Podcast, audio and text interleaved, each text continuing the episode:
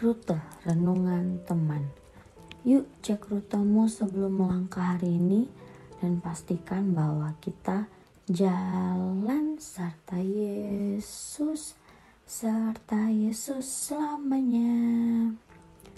Halo Taruna, yuk kita dengerin renungan hari ini Minggu 24 April 2022. Sebelum kita mendengarkan renungan hari ini, mari kita berdoa. Tuhan Yesus, kami siap mendengarkan firman-Mu, bersabdalah Tuhan, amin. Pembacaan Alkitab pada hari ini terambil dari 1 Korintus 12 ayat 1 sampai 3 yang berjudul rupa-rupa karunia tetapi satu roh.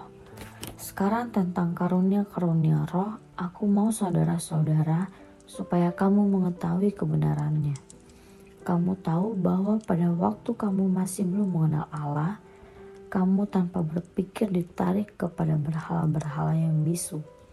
Karena itu, aku mau meyakinkan kamu bahwa tidak ada seorang pun yang berkata-kata oleh roh Allah dapat berkata, terkutuklah Yesus dan tidak ada seorang pun yang dapat mengaku Yesus adalah Tuhan selain oleh roh kudus.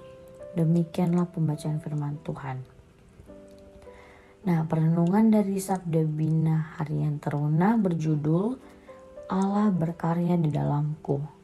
Sobat Teruna, selamat hari Minggu. Tahukah sobat arti kata manunggal? Dalam KBBI, kata manunggal memiliki arti menjadi satu dalam sikap dan tingkah laku, lulu atau bercampur berpadu sehingga tidak terpisahkan. Nah, Tema perenungan sepanjang minggu ini berkaitan dengan kata manunggal yang tampak pada karya Allah dalam diri kita maupun manunggalnya kita dengan sesama baik dalam pemikiran maupun dalam karya. So, let's check it out. Perikop pagi ini dilatar belakangi adanya benih perpecahan di kalangan jemaat Korintus karena adanya persaingan di antara anggota jemaat yang menerima berbagai karunia dari Allah atau kemampuan yang diberikan Roh Kudus. Mereka membandingkan karunia satu dengan yang lain untuk mencari mana yang paling hebat atau spektakuler. Membuka penjelasannya, Rasul Paulus mengingatkan pola pikir mereka yang keliru sebelum mengenal Allah, yaitu ketika masih percaya kepada berhala. Rasul Paulus hendak menekankan bahwa ketika seseorang dikuasai oleh Roh Allah, maka perkataan yang keluar pun adalah sesuatu yang baik, bukan yang jahat. Itu semua karena berasal dari Roh Allah dalam dirinya. Selain itu, dengan penyataan ini juga, Paulus hendak menegaskan bahwa dalam hidup orang yang percaya, Allah bekerja dengan kuasa Roh Kudusnya. Sobat Teruna, hari ini kita belajar pertama sebagai remaja milik Allah, ia hadir dalam hidup kita. Allah berkarya dalam kita.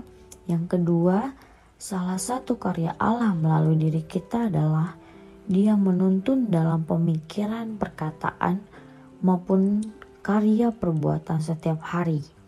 Yang ketiga, ketika Allah yang menuntun, maka semua perkataan, karya, dan sikap laku kita akan menjadi berkat bagi orang lain dan memuliakan namanya. Sobat teruna, mari kita berdoa. Ya Allah, aku anakmu, pimpinlah selalu agar dalam kata, sikap, karya yang kukerjakan semua sesuai dengan kehendakmu dan menyenangkan hatimu. Amin. Selamat menjalankan rutemu hari ini dalam pimpinan Roh Kudus. Tuhan Yesus memberkati.